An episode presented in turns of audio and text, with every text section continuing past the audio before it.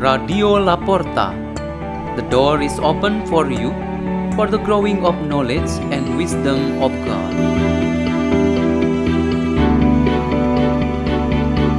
Delivered by Father Peter Tukan SDB from Salesian Don Bosco Gerak in Labuan Bajo Diocese of Ruteng, Indonesia.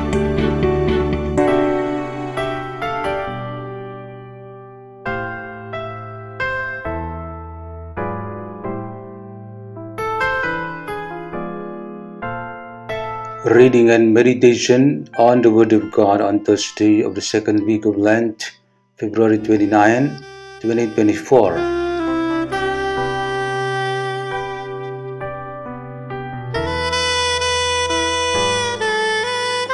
A reading is taken from book of the prophet Jeremiah, chapter 17, verses 5 to 10. Thus says the Lord, Curse is the man who trusts in human beings, who seeks his strength in flesh, whose heart turns away from the Lord.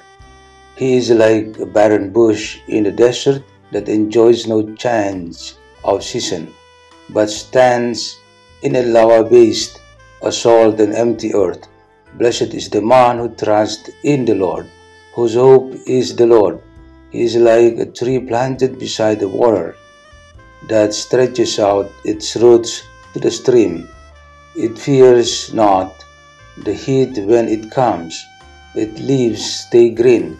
In the year of drought, it shows no distress, but still bears fruit. More tortuous than all else in the human heart, beyond remedy, who can understand it? I, the Lord, alone probe the mind and test the heart, to reward everyone according to his ways, according to the merit of his deeds. The word of the Lord.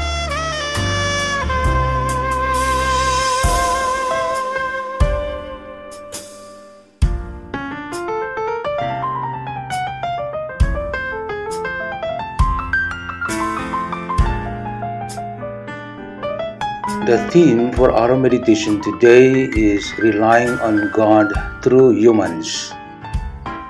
The famous story of Lazarus and the rich man who had no name gives us an interesting catechetical lesson. This story is useful to enrich our learning about our total reliance on God on the one hand and our dependence to the kindness of our neighbors on the other hand. Lazarus was shown as a person with very limited possibilities to sustain his life in the world. In accordance with our standard of faith, God should have used the rich man to help Lazarus, but this did not happen. The prophet Jeremiah in today's first reading speaks about the believers who depended on God for their survival. Lazarus represents Many of us who at this moment desperately need God's intervention for the various problems we are facing. There must be a misery and disaster when someone who is in the moments of trial and difficulty yet does not remember or even need the Lord. Lazarus and many others in the same situation always exist on this world. They live with other fellow men and women who are more fortunate or those who have enough in daily life. The evangelist Mark says in his gospel, The poor are always with you. Mark chapter 14, verse 3. We can see things like this in a parish. This local church always has some families from her members who are considered poor and abandoned. For this situation, the church has a special pastoral care that gives attention to them, and this help aims to improve their lives and eradicate poverty. Collections and donations are regularly made in this parish in which the assistance for the poor and needy ones may be properly done. This illustration is enough clear to explain that the Lazarus type of people in our midst, both inside and outside the church depend so much on God through their fellow men and women who extend their hands to help and to lift up their standard of life. But things are not always smooth and ideal. Pastoral services in the parish are not always nice and bringing good result as we normally expect. The point is that these Lazarus type may not necessarily receive what they actually need. God's providence may not be manifested through men and women or families who are more fortunate in life. Jesus clearly shows in a parable that the Lazarus types really needs help.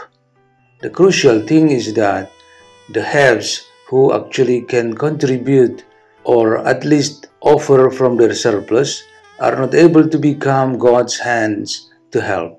That is what Jesus really wants to emphasize on us in the church and in the society as well.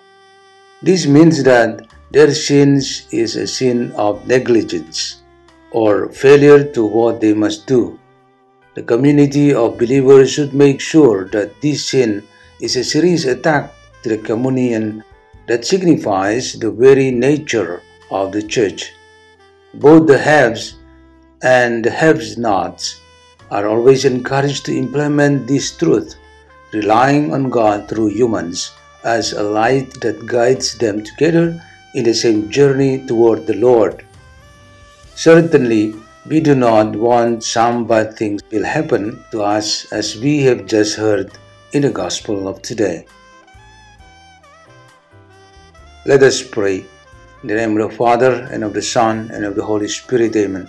O Lord Jesus, make us always aware and eager to our obligation in helping out our fellow brothers and sisters who are poor and abandoned. Hail Mary, full of grace, the Lord is with thee. Blessed art thou among women, and blessed is the fruit of thy womb, Jesus. Holy Mary, Mother of God, pray for us sinners now and at the hour of our death. Amen. In the name of the Father, and of the Son, and of the Holy Spirit. Amen. Radio La Porta. The door is open for you.